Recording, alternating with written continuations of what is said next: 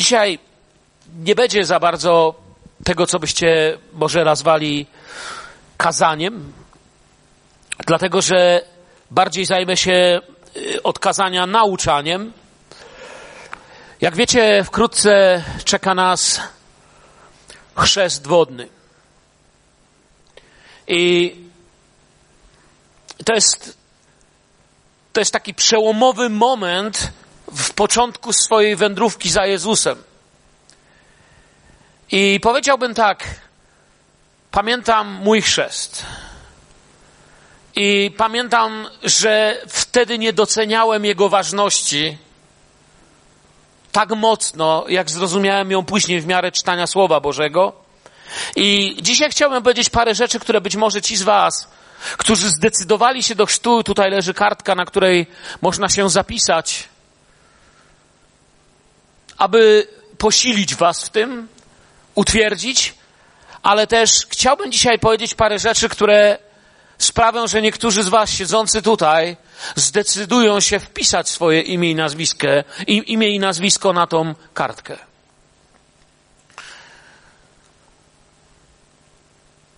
Jednak witam wszystkich obecnych i potencjalnych katechumenów. Słyszeliście takie słowo kiedyś? Ja pamiętam, że je usłyszałem pierwszy raz, jak szedłem do chrztu. To była moja pierwsza, pierwsze, czym mnie nazwano w kościele. Nigdy wcześniej mnie niczym nie nazwano.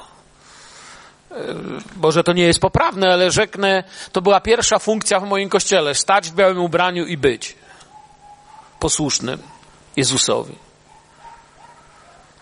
Kiedy usłyszałem na wykładzie, za który jestem wdzięczny i nie zapomnę, brat Zbyszek prowadził dla mnie ten wykład,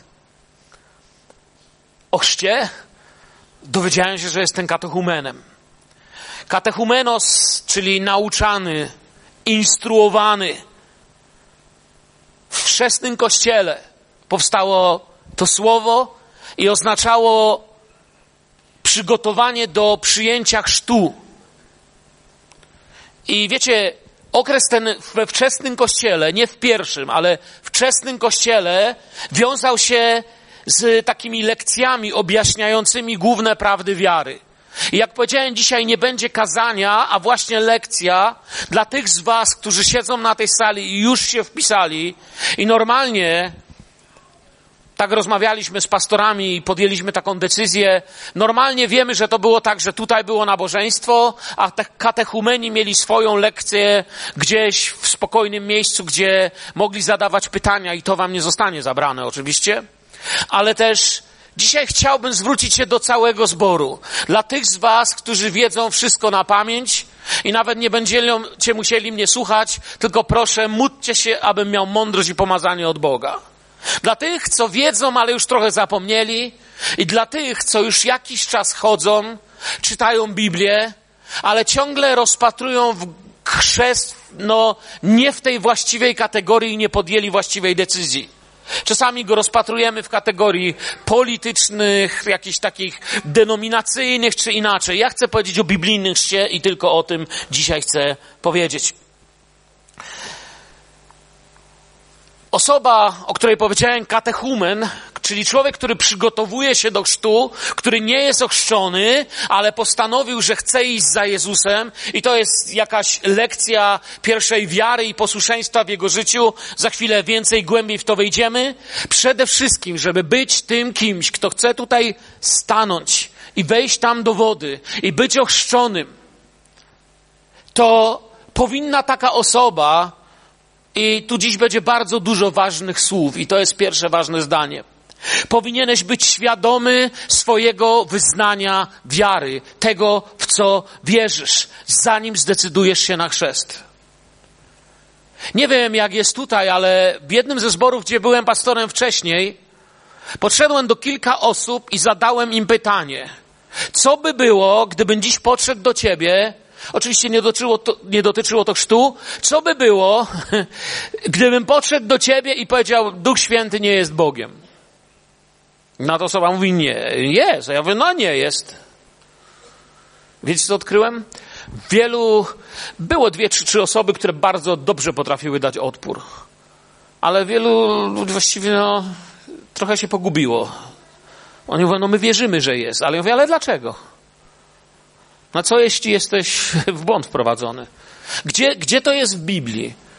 I wtedy pamiętam, zacząłem właśnie serię nauczania na temat wyznania naszej wiary. Dlaczego my wierzymy, że jest Bóg Ojciec, Syn i Duch Święty, czyli w Trójce. Dlaczego wierzymy w chrzest Ojca, Syna i Ducha Świętego? Dlaczego, dlaczego, dlaczego? I katechumen powinien być już świadomy pewnych rzeczy. W dziejach apostolskich, jeśli zauważyliście, w pierwszym kościele, pierwszym kościele, kościół chrzcił prawie natychmiast. Pamiętacie te sławne wersety? Owego dnia zostało przyłączonych i tam tysiące i często marzymy, o, żeby tak było u nas. Ale już we wczesnym kościele zaczęto przywiązywać bardzo dużą wagę do solidnego nauczania ludzi, którzy chcą przystąpić do chrztu. Szczególnie po pierwszych wielkich rozłamach, wiecie, kiedy entuzjazm dziejów apostolskich powoli opadał, kiedy się okazało, że są ludzie, którzy potrafią największe herezje rzucać w oczy innym, kiedy Kościół zaczął być szarpany przez ludzi, o których możemy czytać w różnych listach apostolskich, a którzy po okresie apostolskim jeszcze bardziej wzmocnili swoją działalność rozłamową, Kościół zaczął przywiązywać ogromną wagę do tego i katechumen przestał być kimś jednodniowym. Stawał się kimś wielodniowym. Człowiekiem, którego nauczano, któremu mówiono, którego pouczano, dlaczego Kościół wierzy tak, jak wierzy. Skąd się wziął chrzest wodny, powiem najpierw. Jak mówię jeszcze raz, chcemy sobie dzisiaj przypomnieć, a moim największym marzeniem będzie, czy jest, i największym pragnieniem dzisiejszego dzielenia się tym nauczaniem, kiedy zdecydujesz, że chcesz się ościć nie dlatego, że cię ktoś do tego wypchnął, nie dlatego, że tak trzeba po prostu, bo, bo ktoś powiedział, że trzeba, ale dlatego, że doświadczysz przez Ducha Świętego pełnego zrozumienia, przekonania o tym, że chcesz być posłuszny Panu Jezusowi. Amen. Skąd się wziął chrzest wodny w ogóle? Czemu woda? Czemu woda? No bo można bez przekonania też pójść. Są ludzie, co chcą przeżyć coś religijnego. Minął im entuzjazm tego, że parę razy przyszli pierwszy raz. No i chcą coś przeżyć, a więc jak wszyscy to idę, nie? Pamiętajcie, jest ogromna różnica między świadomie kroczącym we wierze człowiekiem, a mokrym grzesznikiem. Wejść do wody i wyjść może każdy, ale naprawdę wejść w chrzest i wyjść z tego mocniejszym musi ten, kto chce dziś powiedzieć w swoim sercu: Panie, chcę się uczyć od Ciebie. Ja chcę być uczniem. Pamiętajcie, sensem tego, że tu jesteśmy, jest tylko jedno, co sprawi, że absolutnie Kościół traci sens. To jest, kiedy przestajesz być uczniem Pana Jezusa. Zgodzicie się? Po co jeszcze wtedy Kościół? Jaki jest jego cel? On jest tu właśnie dlatego, że chcemy wstępować w Jego ślady, od Niego się uczyć. Skąd się wziął? W dziejach apostolskich, kiedy czytamy o chrzcie, jest to mocno powiązane z przyjęciem Słowa Bożego i przyłączeniem się do Kościoła. Dla nich to było jasne, że kto został ochrzczony i wielu tego dnia zostało przyłączonych, przyłączonych do Kościoła. Oni nie myśleli w kategoriach yy, jakiejś kartoteki parafialnej, bardziej myśleli w kategoriach stawania się częścią ciała Chrystusa, Kościoła, który oddycha, którego, jak to kiedyś tu powiedziałem, EKG, wynik EKG Kościoła, jego serca brzmi przyjdź Panie Jezu. Przyjdź Panie Jezu, uczę się od Ciebie Panie Jezu. Ci więc, którzy przyjęli słowo, mówią dzieje apostolskie 2,41, ci, którzy przyjęli słowo Jego, zostali ochrzczeni i pozyskanych zostało owego dnia około trzech tysięcy dusz. Więc zobaczcie, że tutaj Duch Święty nam wyraźnie pokazuje w dziejach apostolskich, że to nie jest byle co. Tu nie pisze, że zostali wsadzeni do wody i wyciągnięci z wody. Chrzest w kulturze żydowskiej w kulturze, w której dzieją się jeszcze dzieje apostolskie, chociaż Kościół zaczyna rozglądać się dużo dalej, idąc za przykazaniami Pana Jezusa, chrzest nie był czymś nowym dla Żydów. Żydzi praktykowali chrzest setki lat przed Panem Jezusem. Oczyszczenie przez zanurzenie było dla nich, nie było dla nich zaskoczeniem, kiedy pojawił się Jan, że wiecie, faryzeusze przychodzili, patrzyli, a to co teraz, woda potrzebna? O co tu chodzi z tą wodą? Nie, to nie było zaskoczenie. W najbardziej niedostępnych miejscach, jeżeli ktoś z Was był na wycieczce yy, w Izraelu i miałeś to szczęście, że akurat trasa wycieczki prowadziła do Qumran, to może tam zobaczyć, że w tym pustynnym, surowym klimacie, nawet tam bardzo dużą wagę przywiązywano do oczyszczenia, do zanurzenia się w wodzie. Stosowali coś, co możemy nazwać, na przykład Żydzi, stosowali coś, co możemy nazwać chrztem prozelitów, czyli dotyczyło poganina, który przechodził na judaizm. Pierwszych takich szczególnie, którzy mi się rzucili w oczy, to byli ci, którzy szli przez morze z Izraelem. Wiemy dzisiaj, że to nie tylko sami Żydzi przeszli, ale byli Egipcjanie, którzy się do nich dołączyli. Ale to jest inny historyczny temat. Idziemy dalej. Taki człowiek, który chrzcił się tym chrztem prozelitów, musiał stojąc w głębokiej wodzie, zgodnie z nauczaniem nauczycieli żydowskich, musiał tam stać w tej głębokiej wodzie i wysłuchać całego nauczania prawa. Potem był zanurzany w wodzie na znak oczyszczenia z pogaństwa. Ciekawe jest dla mnie to stanie w wodzie. Miałem zborownika mojego, który nawrócił się w ciekawy sposób, gdzieś tam po cichu na końcu sali. I kiedy otwarłem szkołę biblijną, on przyszedł, nazywał się Sergiej. Wiecie, głos miał tak spity, że tylko tym zachrypionym głosem mówił. Facet wypił może wódki, ale przeżył naprawdę coś z Panem. I założyłem, y, oczywiście ochrzcił się, założyłem wtedy, to była pierwsza szkoła biblijna w byłym Związku Radzieckim, w więzieniu. To była nasza szkoła. I on przychodzi i mówi, tak, pastorze, a mogę do waszej szkoły? Oczywiście po rosyjsku.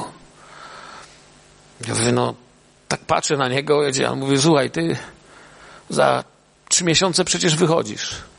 Mówi, no właśnie, no, dlatego. Mówię, a, a co chcesz robić dalej, no? I on mi wtedy powiedział takie słowa, już go nie będę naśladował, ale sobie możecie wyobrazić go w tym drelichu więziennym. Mówi do mnie tak, pastorze, ja wszystkim w życiu zawsze zawaliłem. Ja nawet podstawówki nie skończyłem. Ledwie umiem pisać i czytać. Właściwie to dzięki czytaniu Biblii się rozwijam dopiero. Nigdy niczego w życiu nie skończyłem i nie dostałem dyplomu. Czytałoby się, żebym raz w życiu uczciwie coś zrobił i dostał dyplom. Gdzie mi to starczyło. On nie prosił o jakieś ulgi. On po prostu chciał coś w życiu zrobić. Dla Pana. Iść dalej. I oczywiście skończył tą szkołę, nie będę wam długo o nim opowiadał, bo czas bardzo szybko leci. Nie wiem czemu, jak się tu stoi, czas szybciej leci niż tam. Ale uwolnił się i wiecie, co się okazało? Że przyjechał do nas do domu, z żoną wzięliśmy go na hamburgera.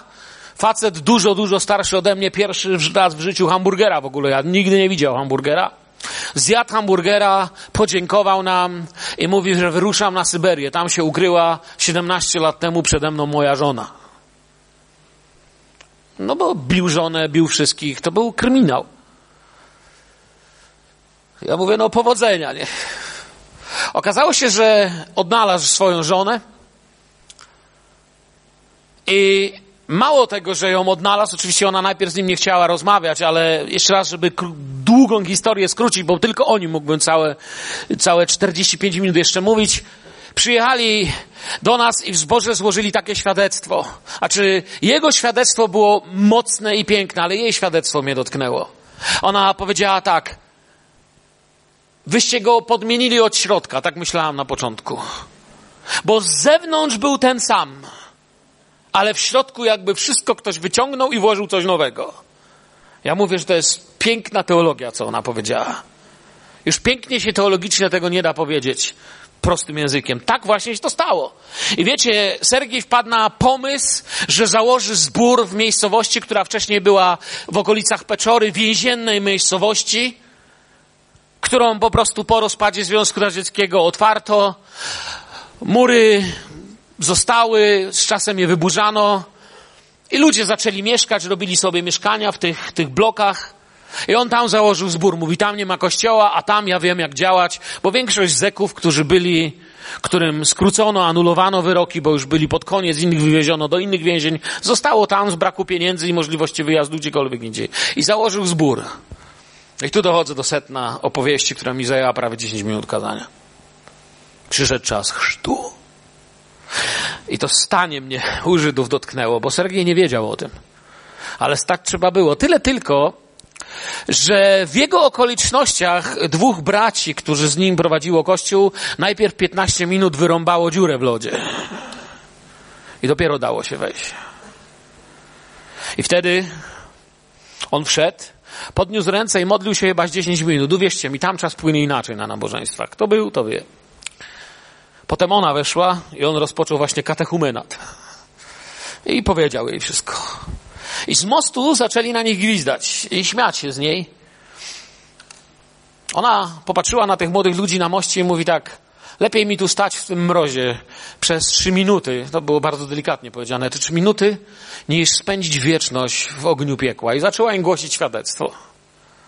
Nie wiem w naszym kontekście, jakby to zadziałało, tam zadziałało. Goście nie tylko zamilkli, ale stali i słuchali. I on ją ochrzcił. I wiecie, co było niesamowite?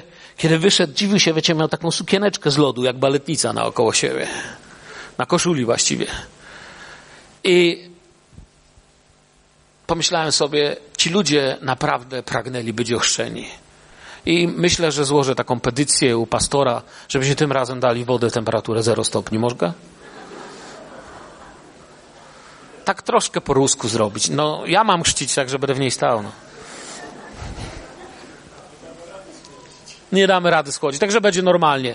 Nie zniechęcajcie się, słuchajcie dalej. Aaron i jego synowie byli wyświęcani do służby kapłańskiej, musieli się również obmyć. To jest dalszy jakiś obraz chrztu w Starym Testamencie. Biblia mówi w drugiej Mojżeszowej, a Aaronowi zaś i jego synom każesz podejść ku wejściu do namiotu zgromadzenia i obmyjesz ich wodą. Ważna rzecz, zanim pójdziemy dalej, kapłaństwo i zgromadzenie są czymś świętym również dla was. Amen czy nie? Amen, tak? Amen nie znaczy, że kończymy. Amen, zgadzam się, tak jest. Jest tak? Kiedyś jak byłem nowy, to myślałem, że amen znaczy, już koniec. I się dziwiłem, czemu tyle kończą, nie? Znaczy, zgadzam się z tym. Ponieważ jesteście wy królewskim kapłaństwem. To nie ja, pastor Bogdan, pastor Edward i paru diakonów mamy dostęp do Boga i my jesteśmy kapłanami, a wy, drodzy, niedouczeni w życiu parafianie, możecie spróbować przez nas przyjść do Pana. Tak nie jest. Wy jesteście królewskim kapłaństwem. Wy jesteście mostami, przez które Jezus może przyjść do tego świata. Słowo kapłan jest bardzo ściśle związane z wszystkim, co się kojarzy ze słowem most. Kapłaństwo i zgromadzenie to jest nasze środowisko wiary. Tutaj Mamy to hebrajskie rahat, czyli co oznacza obmycie, kąpiel, umycie się, zanurzenie się, otrzepanie się z tamtego brudu i wyjście w nowej czystości. Obmywali się w miedzianej kadzi, aby służyć światu kapłaństwem, czyli byciem, połączeniem tych, którzy nie wiedzieli jak, z tym, który mógł wszystko. Z Jahwe, z Bogiem. I Jezus nas wprowadził w to w dużo głębiej. Idźcie, nauczajcie, chrzcijcie. Wy, królewscy kapłani, wy powołani przez Boga, żeby ogłaszać Jego cnoty, ogłaszać Jego dobro. Idźcie i róbcie to. Również trędowaci, wiecie, w starożytnym Izraelu i później byli, mówiono im tak, Bóg się od was odizolował, nawet tak do nich mówili. Ale kiedy Bóg się nad nimi zlitował, Udawało się wyleczyć ich trąd z jakiegoś powodu. Wracali do obozu przez modlitwę i właśnie obmycie. Czyli byli symbolem kogoś, kto z tamtej strony wody był w całkowitej śmierci, ale po drugiej stronie kąpieli oczyszczającej był człowiekiem życia i świadectwem litości Boga. Czy to nie trochę jak my? To był, wiecie, proces, o którym można całą lekcję. Żydzi oczyszczali się też, jeśli chodzi o popiół czerwonej jałówki. Z powodu, była ofiarą za grzech, z powodu kontaktów z umarłymi. Różne, wiecie, wiele jest obmyć. Można by, jak mówię, tylko dwie duże godziny poświęcić na nauczanie, czego ja nie chcę. Mój cel dzisiejszy jest pouczyć was, pouczyć siebie, cały nasz zbór wziąć w tą pełną świadomość tego, że jeśli jestem tutaj, to następnym krokiem mojego posłuszeństwa jest i musi być chrzest wiary. Nigdzie odniesienie do chrztu nie jest tak mocno widoczne jak przy przejściu przez Morze Czerwone. Szli pod przewodnictwem Mojżesza, czyli znowu pośrednika Starego Przymierza. I Słowo Boże najlepiej to mówi, po co ja mam mówić. Koryntian 10 wszyscy znamy. A chcę, bracia, abyście dobrze wiedzieli, że ojcowie nasi wszyscy byli pod obłokiem i wszyscy przez morze przeszli i wszyscy w Mojżesza ochrzczeni zostali w obłoku i w morzu. Tutaj słowo w Mojżesza ochrzczeli zostali. Chcę coś powiedzieć. To nie chodzi tylko o imię przywódcy. To nie chodzi o to, że Mojżesz miał w swoim imieniu i w swoim charakterze coś tak niezwykłego, że się w niego chrzono. Bardziej chodzi o utożsamianie się z nowym narodem, z powołaniem wyjścia, z powołaniem bycia kimś nowym, kimś oddzielonym dla Boga. Pójdziesz i wyprowadzisz mój naród. Pójdziesz i zrobisz to, co ci powiem. I on ich wprowadził w wodę, która się rozstąpiła, i oni przez wodę piersi przeszli. To był nowy naród, nowa kultura, naśladowanie Boga, który prowadzi. To Mojżesz pierwszy, pamiętacie, kiedyś tu mówiłem o uwielbianiu. To Mojżesz pierwszy powiedział, Panie, chcę Cię tak blisko, blisko, blisko zobaczyć, pragnę. Bóg mówi, stań na skalę, ale nie będziesz mnie oglądał z przodu. Zobaczysz mnie z tyłu. Dla mnie to było pięknym pięknym symbolem tego, że w uwielbianiu i w uczniostwie jesteśmy ty, nie tymi, którzy prowadzą Boga tam, gdzie my uważamy, że Bóg powinien być, ale tymi, którzy idą za Nim, by oglądać Jego chwałę i naśladują Go w tym, jakimi być. Amen. Potem cisza. To tam pośrodku w waszej Biblii, gdzie są te białe kartki między Starym i Nowym Testamentem. Wydaje się, że się nic nie dzieje i występuje człowiek od Boga. Pojawia się Jan Chrzciciel i jego przesłanie. Głosi upamiętanie i chrzest w wodzie na odpuszczenie grzechów. I Słowo Boże mówi w Mateusza 3,6, że byli chrzczeni przezeń w rzece Jordanie, wyznając grzechy swoje. Oznaczało to, że człowiek pragnie przygotować swoje serce na przyjście Mesjasza, na to, żeby doświadczać tego, co ten Mesjasz z sobą przyniesie. Wiemy, że Pan Jezus ochrzcił się właśnie wtedy w Jordanie. I tu się zaczyna najważniejsza część naszej lekcji. Potem Przykazał tym, którzy w Niego uwierzą, aby się chrzcili. Pan wołał, wzywał do opamiętania ludzi, głosił słowo. I jednym z elementów tego było wejście w tą wodzie, w tą wodę. Czemu to takie ważne? Jan stał na brzegu Jordanu i również wołał, że bliskie jest Królestwo Niebios. Czyli co jest tak naprawdę bliskie? Bliskie Królestwo Niebios. Dajcie się ochrzcić. No to znaczy, co jest bliskie? Tak. Wiecie, kto pięknie napisał? Wczoraj tak sobie przeglądałem parę starych skryptów, które mam w domu i znalazłem u Cyryla Aleksandryjskiego, który się zastanawiał, bardzo fajnie to powiedział – że to Królestwo Boże, które się przybliżyło, to jest usprawiedliwienie przez wiarę i uświęcenie przez Ducha Świętego, który spoczął na Jezusie. Podoba mi się, jak to powiedział. Wchodzimy w coś, co niesie stare brudy poszły, a duch może zacząć używać nas w wyjątkowy sposób, prowadząc nas do tego, co później nazwiemy jeszcze głębszą jego pełnią. Jan głosił i chrzcił, i to jest również zadanie Kościoła. Praktycznie. Teraz przechodzimy. Kto z Was jest ochrzczony? Podnieście rękę. Świadomie. Kto powinien się ochrzcić? Czy jeżeli teraz nie mogłeś podnieść ręki i powiedzieć, że jesteś ochrzczony, w sensie świadomie, jako wierząca osoba, nie mówię jako niemowlę, świadomie, i jesteś tu, to czy powinieneś się ochrzcić, czy nie? Kto powinien się ochrzcić? Po pierwsze, każdy, kto uwierzył w Jezusa Chrystusa.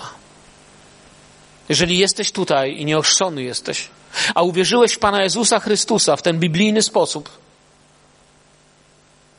to powinieneś zacząć się teraz zastanawiać i uważnie słuchać. W Biblii nie ma kogoś takiego jak chrześcijanie, czy jakaś uprzywilejowana grupa chrześcijan zwolnionych z chrztu wiary. Nie ma grupy, której się mówi, a wy to akurat nie musicie. Bo wy to jesteście z takiej organizacji, że no wam nie trzeba. Albo wy to jesteście kimś, kimś takim, że wam nie trzeba.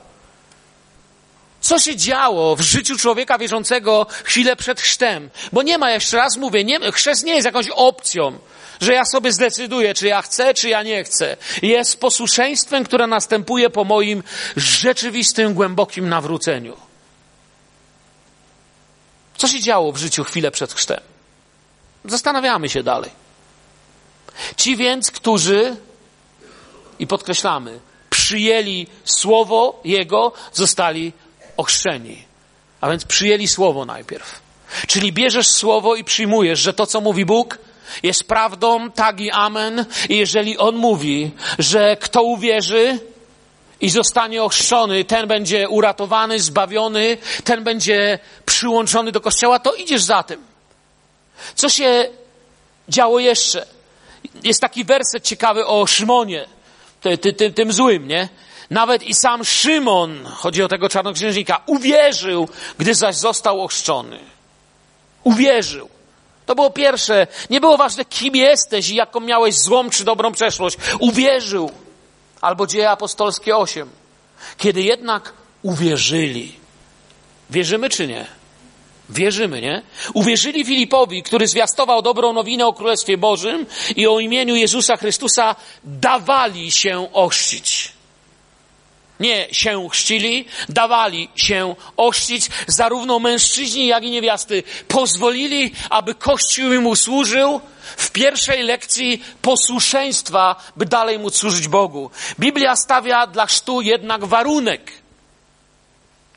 Bo na wszystko są warunki.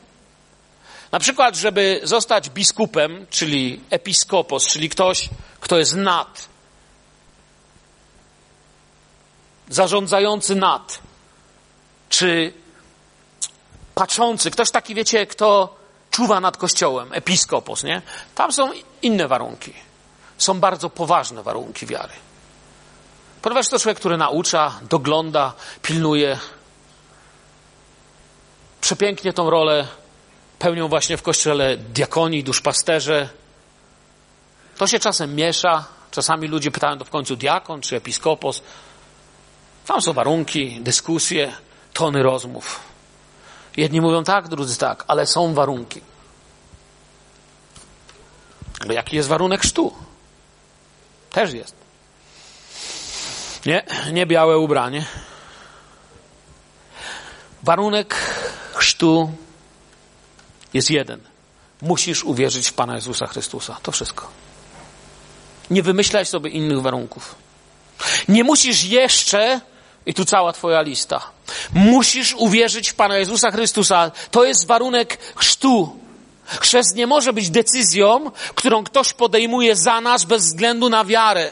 Chrzest nie może być Twoją decyzją, dlatego że ja na przykład zacznę zaraz tak manipulować, żebyś czuł się gorszy i się poszedł Chrzest musi być decyzją wiary i tylko Twojej wiary.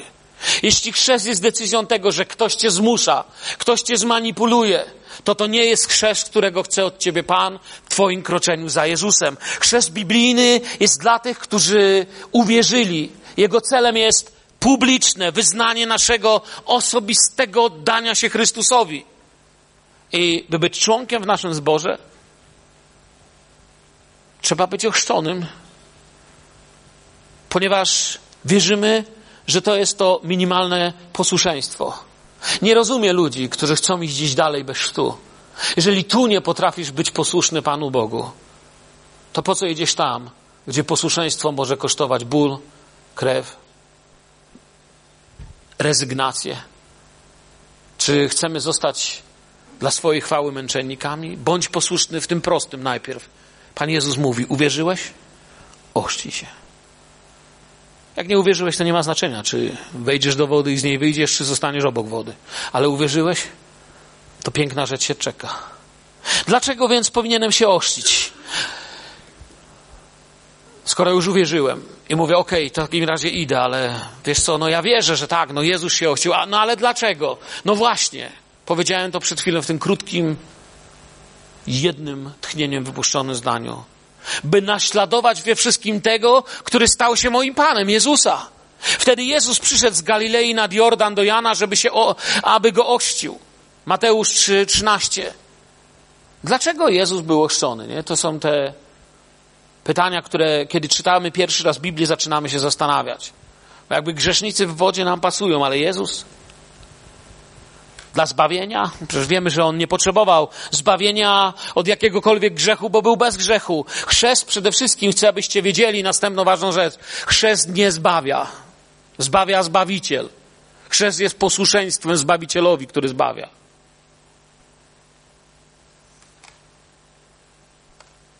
Co Pan Jezus nam mówi w tej sprawie? No bo Jezus też miał problemy już wtedy. Jan odmawiał mu, mówiąc: Ja potrzebuję chrztu od ciebie, a ty przychodzisz do mnie? A Jezus odpowiadając, rzekł mu: Ustąp teraz, albowiem godzi się nam wypełnić wszelką sprawiedliwość. Wtedy mu ustąpił. Jezus uważa, że chrzest jest częścią sprawiedliwego życia przed Bogiem, posłuszeństwa Ojcu. I gdy Jezus się ościł, okazało się, że oprócz świadków na brzegu, ktoś jeszcze przygląda się temu, że Jezus się chci. I odezwał się głos. Pamiętacie, kto to był? To nie był Cezar. To nie byli przełożeni świątyni. To był ojciec. Okazało się, że ojciec się przygląda i mówi: Podoba mi się to. To jest to, co należało zrobić. Przecież Jezus był w niebie. Był kimś z nieba, z niebiańskiej rzeczywistości. Pochodził z rzeczywistości nieba, ale uważał chrzest za sprawiedliwość i posłuszeństwo. Więc dlaczego jakiś człowiek, taki jak ja lub ty, miałby powiedzieć, no ja nie muszę, bo ja, bo ja coś tam. Jego pozycja i urodzenie nie były wytłumaczeniem. Jezus nie powiedział Janowi, ty chyba nie wiesz, gdzie ja się urodziłem. Kolego, ja jestem Mesjaszem z Betlejem. Maria, która mnie urodziła, to przez Ducha Świętego się stało. I ty mi tutaj nad wodą stoisz. Nie, to tak nie było. Tam nie było żadnej tego rodzaju pychy i polityki. To Jan nie chciał, bo widział, kim jest baranek Boży, który gładzi grzechy świata.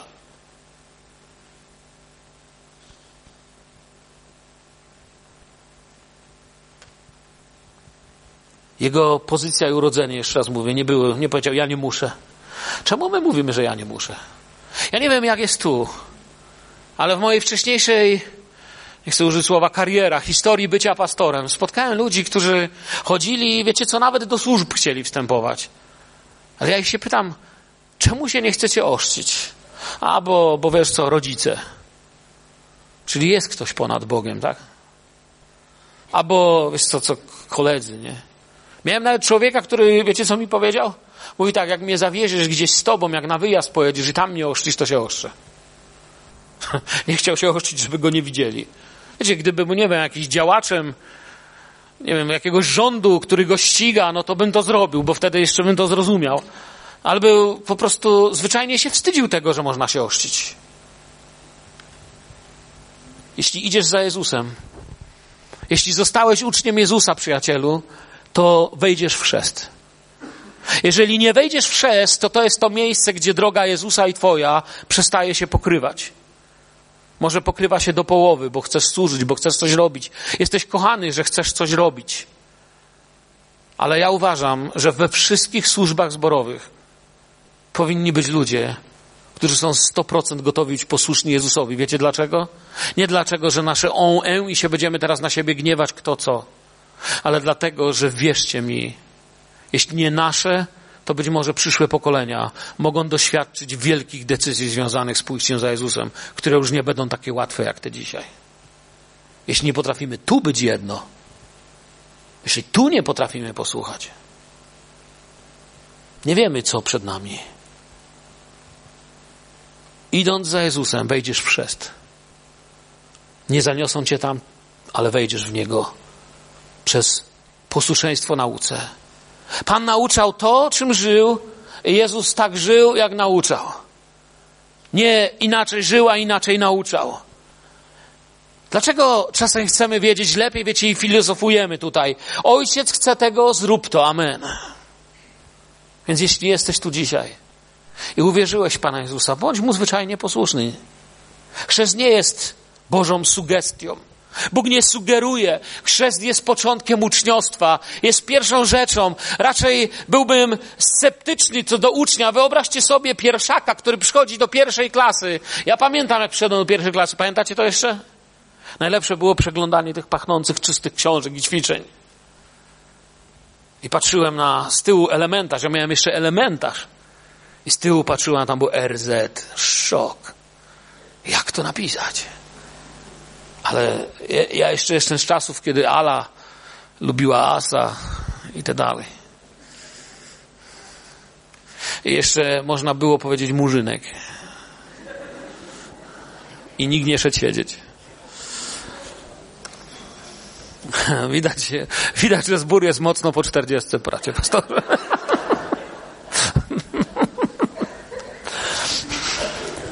Raczej byłbym sceptycznym do ucznia pierwszej klasy, który przychodzi i pani mu mówi, Mirek, czemu masz różowy sweter zamiast fartuszka z białym kołnierzykiem? Albo pomarańczowy, żeby ktoś tam się nie doszukiwał czegoś. Czemu masz pomarańczowy sweterek? A my, no mi się tak podoba, wolność jest. Byłbym sceptyczny wobec takiego uczniawy. Oberwałem parę uwag, zanim wypracowany kołnierz. I znowu, dziś niektórzy nie wiedzą, o czym ja mówię teraz. Fartuszek się nosiło. I to był obowiązek. Za brak fartuszka była uwaga.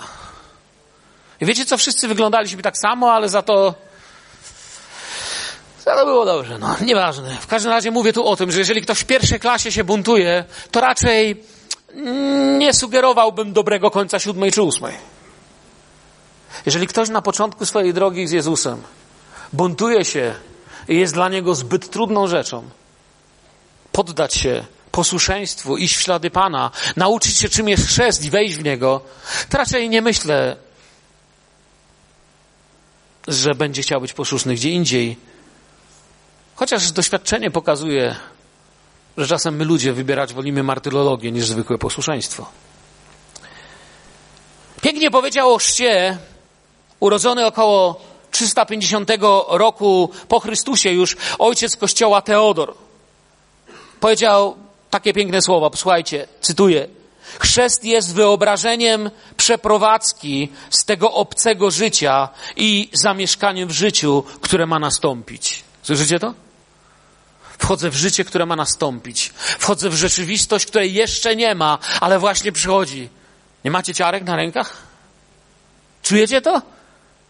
Tylko woda, tylko posłuszeństwo, a Bóg mówi, możesz wejść w nową rzeczywistość i On to tu pięknie ubiera w słowa, tylko Teodor. Wchodzisz w życie, które ma nastąpić, coś, co jeszcze nie jest, ale będzie, idzie. Na marginesie można powiedzieć, że dla pierwszego kościoła chrzest Jezusa był też potężnym objawieniem Trójcy Świętej, jak chcecie wiedzieć. Wczesny Kościół bardzo patrzył na to, co się o Bogu myśli i co się o Bogu myśli. I, i mówi, przepraszam. Hipolit napisał takie słowa, mnie wczoraj normalnie romnęły, kiedy sobie przeglądałem ojców kościoła. Wraz z otwarciem się nieba ma miejsce pojednanie. Stwórcy ze stworzeniem przez odkupiciela dzięki świadectwu Ducha Świętego. Usłyszeliście mnie? Wchodzi Jezus do wody i ma miejsce potężne pojednanie. My wchodząc do wody, pastor Edward mi wczoraj napisał SMS-a pięknego, że my wchodząc do wody, jakby pozbywamy się ciężaru. Ja parafrazuję, bracie, twojego SMS-a, ale był piękny. Ale on, wychodząc z wody, szedł już w kierunku krzyża. Tak było czy nie?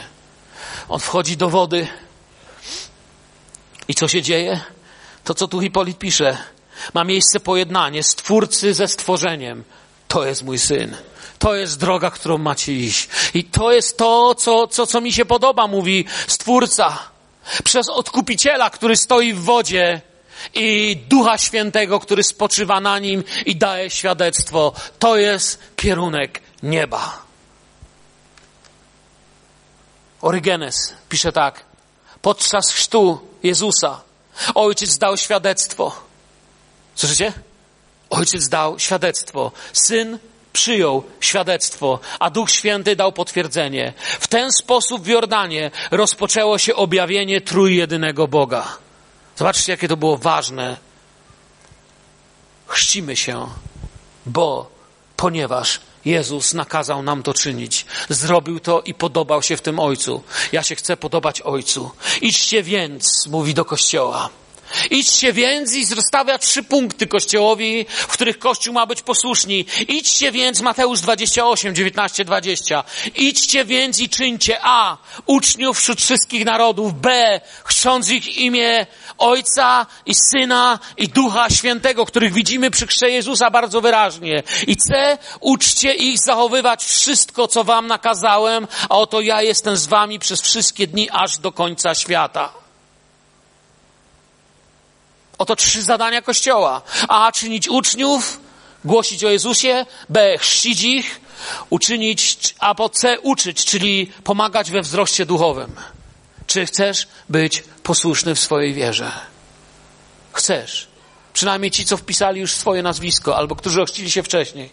Zachęcam Ciebie, byś był posłuszny po prostu. I mamy tu Bożą obietnicę, On będzie w tym z nami. Chrzest jest demonstracją tego, że naprawdę uwierzyłem. Kiedy jednak uwierzyli Filipowi, który zwiastował dobrą nowinę, mówią dzieje apostolskie w ósmym rozdziale, o Królestwie Bożym i o imieniu Jezusa Chrystusa, dawali się oszcić zarówno mężczyźni, jak i niewiasty. To jest ta nowina o Królestwie Bożym i o Jezusie, który jest zbawcą, który sprawił, że otwarła się nam droga, której nie było. Chrzest, kochani, nie czyni nikogo chrześcijaninem. Pokazuje, że jest się chrześcijaninem. Chcę, żebyście to też wiedzieli. Wiecie co, ja przez całe lata do nawrócenia mojego żyłem w takim przeświadczeniu, że chrześcijaninem się jest dlatego, że jest ochrzczonym. Bo mi się kojarzył chrzest, chrześcijanin, proste. To występuje w naszym języku i w paru słowiańskich. To nie jest, w, w ogóle nie ma z sobą nic wspólnego. W naszym języku występuje właśnie to zgubne podobieństwo słów. Chrzest, chrześcijanin. Powiem tak, żeby być potomkiem, nie trzeba być synem Tomka. Też jest zgubne podobieństwo, nie? Czy jeśli nie jestem synem Tomka, to nie mogę być potomkiem. Pokrowiec nie jest czymś, co zostaje po krowie. Są zgubne podobieństwa. Chrzest i chrześcijaństwo są dwoma różnymi rzeczami. Albo obrączka nie czyni mnie żonatym. Coś dużo więcej czyni mnie żonatym niż obrączka. Ona symbolizuje coś, ale nie czyni mnie tym. Można obrączkę nosić i według standardów Królestwa Bożego naprawdę być daleko od bycia mężem i bycia żonatym. Na tym bowiem polega miłość ku Bogu, że się przestrzega przykazań Jego, a przykazania Jego nie są uciążliwe. Przestrzegam je, idę się ościć.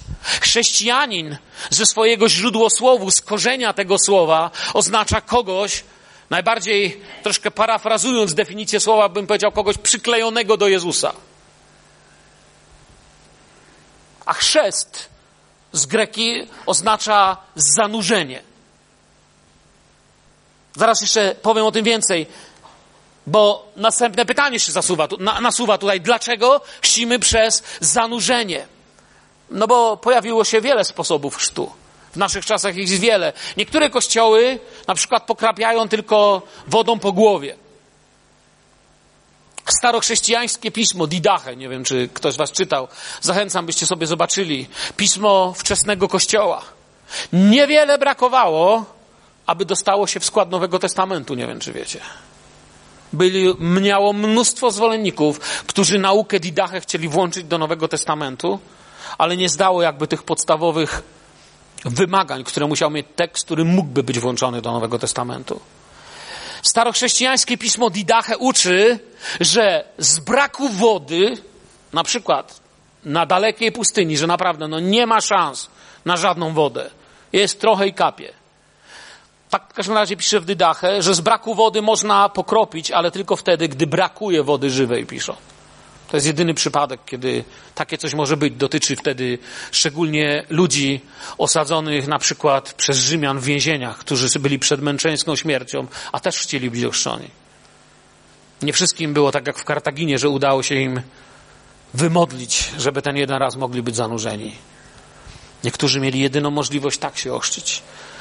Jeszcze raz mówię, Didache było czymś, co wczesny Kościół traktował bardzo poważnie i tak tam nauczają. Ale tylko wtedy, gdy braknie wody. Jeszcze inni całkowicie zanurzają w wodzie, w tym my. I dlaczego nasz zbór, nasz Kościół wierzy, że powinniśmy być chrzczeni przez zanurzenie? Tutaj samo to słowo baptizo to nie jest.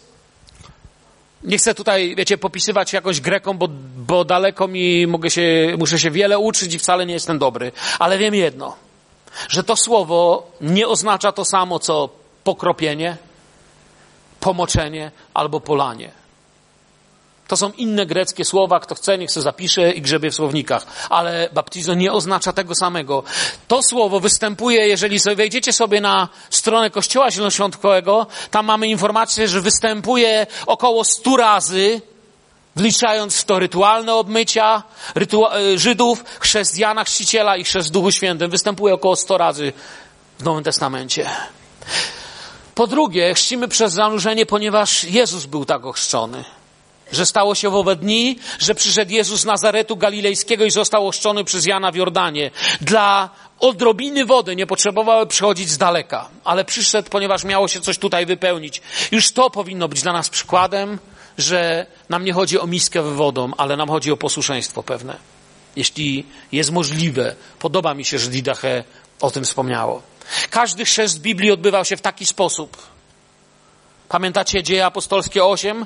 Jechali drogie, drogą, przybyli nad jakąś wodę, a eunuch rzekł. Pamiętacie eunucha, nie? Uczeń pański zwiastował mu słowo. Filip. I, I, podoba mi się, jak oni podeszli do tego. Oto woda, tu stoi na przeszkodzie, abym został ochrzczony. To on zapytał, co stoi na przeszkodzie? Jestem ja, uwierzyłem i jest woda. Filip mu odpowiedział co? Nie powiedział mu, nic nie stoi, chodź. Powiedział mu tak, jeśli wierzysz z całego serca, możesz. Wierzysz z całego serca? A jesteś ochrzczony? Jeśli nie, pomyśl. Słowo chrzest, baptizo, oznacza zanurzyć, zatopić. To najlepiej oddaje też i pogrzeb i zmartwychwstanie. Oddaje to przez to przejście Izraela przez wodę. Przemieniło naród z uciekających. Pamiętacie, jak wchodzili w Morze Czerwone? To był naród, który miał Zbawiciela, który ich tak ratował. Trząsł się ze strachu, wszedł w tą wodę i odetchnął, bo Zbawca ratował. W Mojżesza ochrzczeni zostali, przeszli. Ale potem się coś zmieniło. Nie licząc 40 lat, które Tyle kosztowała ich pewna pomyłka wiary i niedopatrzenie, o czym dziś nie będziemy mówić. Kiedy weszli w wody Jordanu, nie byli narodem, który się oglądał do tyłu ze strachem.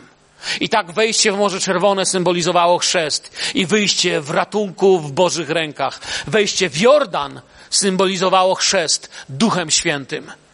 Już się nie oglądali ze strachem za siebie. To narody przed nimi zaczynały drżeć ze strachu.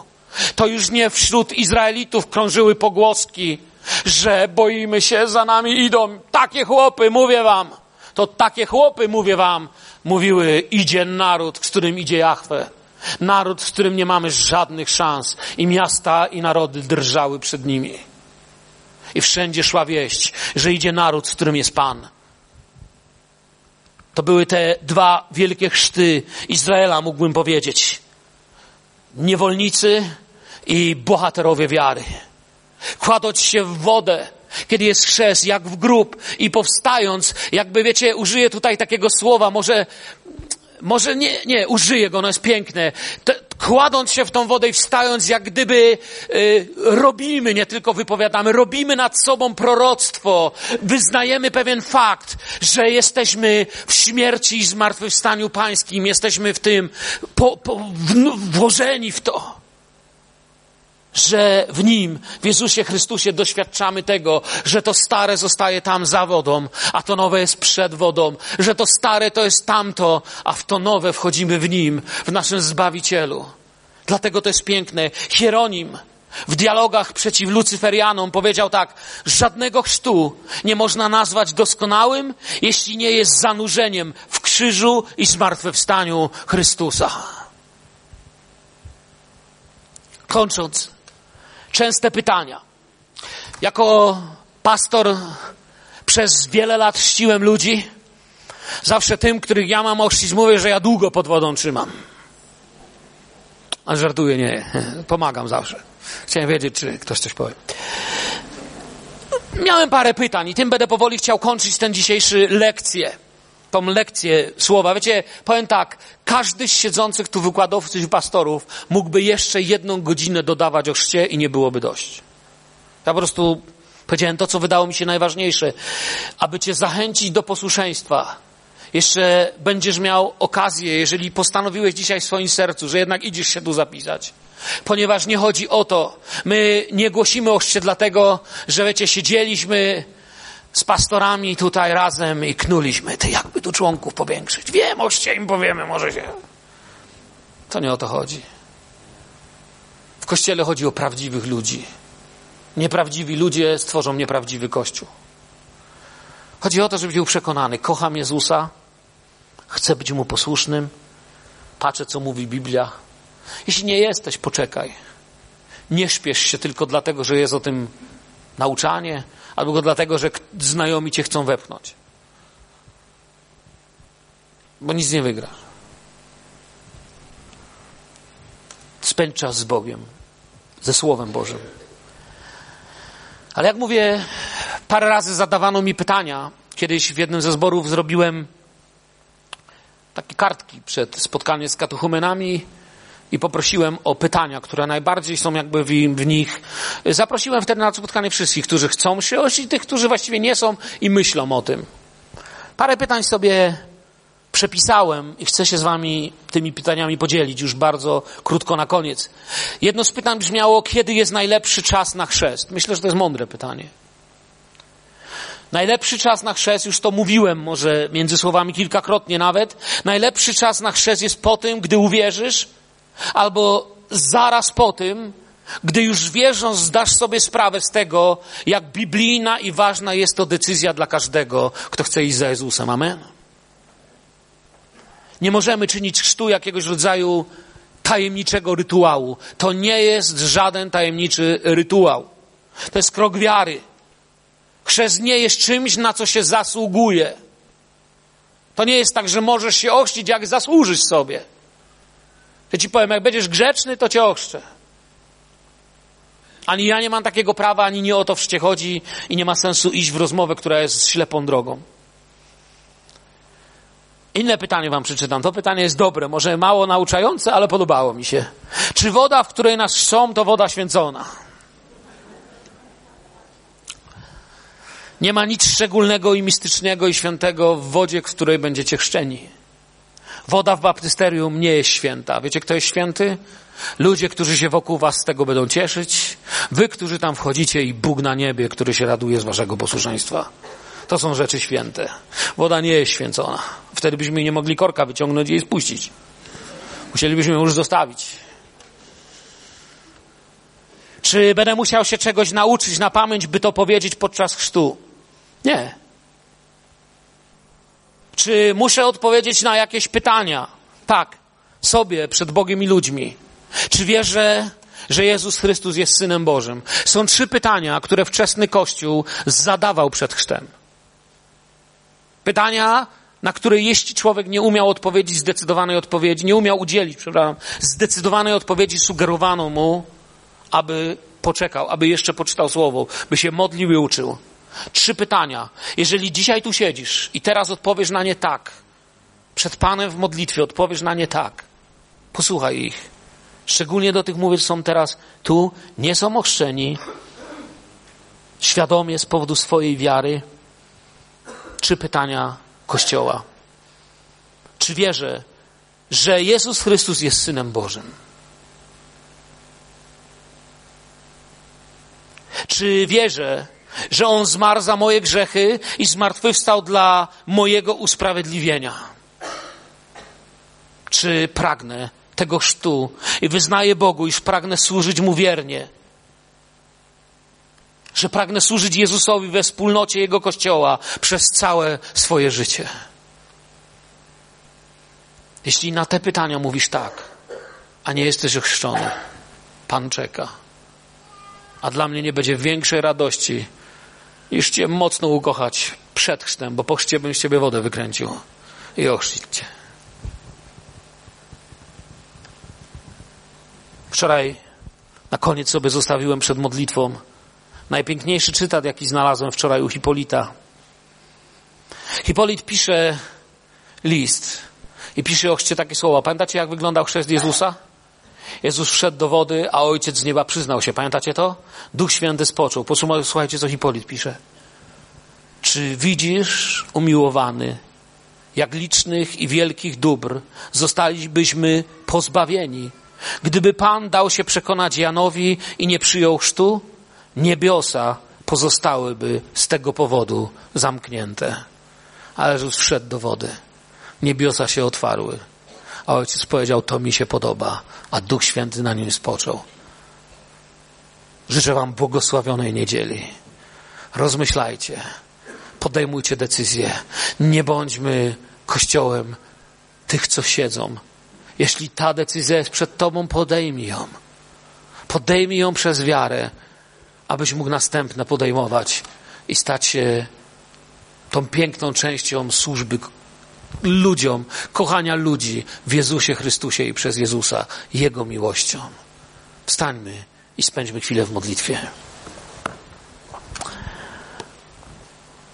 Abba, Ojcze, Ojcze, który jesteś w niebie, prosimy Ciebie dzisiaj, abyś, Panie, to nauczanie włożył głęboko w nas i to, co najbardziej ważne, pożyteczne i święte w tym wszystkim, pobudził w sercach słuchaczy, aby mogli podjąć dobrą decyzję. Proszę Cię, Panie, aby nikt dzisiaj stąd nie wyszedł oskarżony przez słowa. Proszę Cię, aby nikt nie wyszedł dzisiaj stąd z jakimś poczuciem winy, że się czegoś od Niego chce, ale w Twoim duchu, duchu miłości i jedności jako zbór, chcemy Ciebie prosić, abyśmy byli ludźmi, którzy wstępują w Twoje ślady dobrowolnie i radośnie naśladując Cię w tym, co robiłeś i słuchając Twego słowa. Pośl tych, którzy się zastanawiają. Oświeć tych, którzy sprawę badają. Daj i nam, wszystkim członkom mądrości, abyśmy naszym przyjaciołom, którzy są przed tym, umieli doradzić, posilić ich i przez to umacniali rodzinność i bliskość tego, co dałeś nam w Twoim Synu domu pańskiego, domu modlitwy, kościoła. Dziękuję Ci, Panie, za przywilej głoszenia tutaj. Tobie oddaję chwałę i cześć w imieniu Jezusa. Amen.